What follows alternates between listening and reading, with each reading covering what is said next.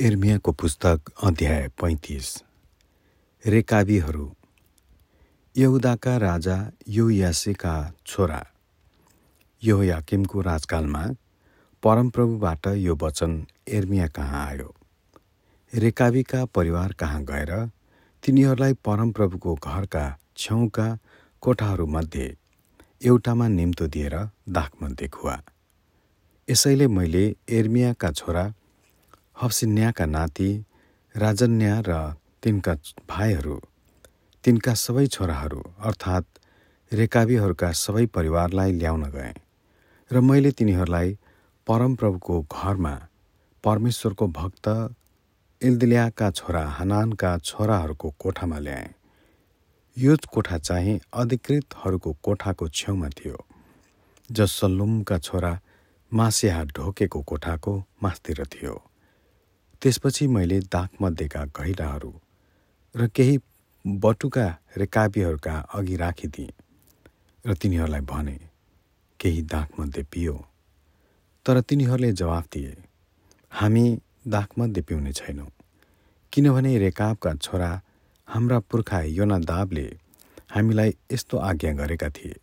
तिमीहरूले र तिमीहरूका सन्तानले कहिल्यै दागमध्ये नपियो। त्यसकारण तिमीहरूले कहिल्यै घर नबनाउनु बिउ नछोड्नु दाखमध्ये नलगाउनु। तिमीहरूले यस्ता कामहरू कहिल्यै नगर्नु। तर तिमीहरूले बसोबास गरेको देशमा धेरै दिनसम्म बाँचिरहनु भनेर तिमीहरू सधैँ पालहरूमा फिरन्ते चाहिँ बस्नु। रेकाबका छोरा योनादाब हामीहरूका पुर्खाका जम्मै आज्ञा हामीले पालन गरेका छौँ। अर्थात् न त हामी आफै न हाम्रा पत्नीहरू न छोराछोरीहरूले दागमध्ये पिएका छन् अथवा घर बनाएर बसेका छौँ दागपारी र खेत रोपेका छौँ वा अन्न उमारेका छौँ तर हामी पालहरूमा बसेका छौँ र हाम्रा पुर्खा योनादाबले आज्ञा गरेको हरेक वचन पालना गर्दै आएका छौँ। तर जब बेबिलोनका राजा नबुकदनेश्वरले यस देशमाथि आक्रमण गरे तब हामीले भन्यौँ बेबिलोनीहरू र आरामीहरूका सेनाबाट भाग्न अब हामी एरुसलेममा जाउँ। यसैले हामीहरू एरुसलेममा बसेका छौँ। तब परमप्रभुको यो वचन एर्मिया कहाँ आयो? सर्वशक्तिमान परमप्रभु इजरायलका परमेश्वर यसो भन्नुहुन्छ।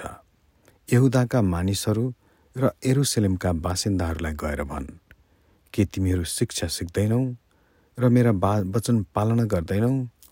परमप्रभु भन्नुहुन्छ। रिकाबको छोरो योनादाबले आफ्ना सन्तानलाई तिमीहरूले दाखमध्ये नखानु भनेर दिएको आज्ञा तिनीहरूले मान्दै आएका छन्।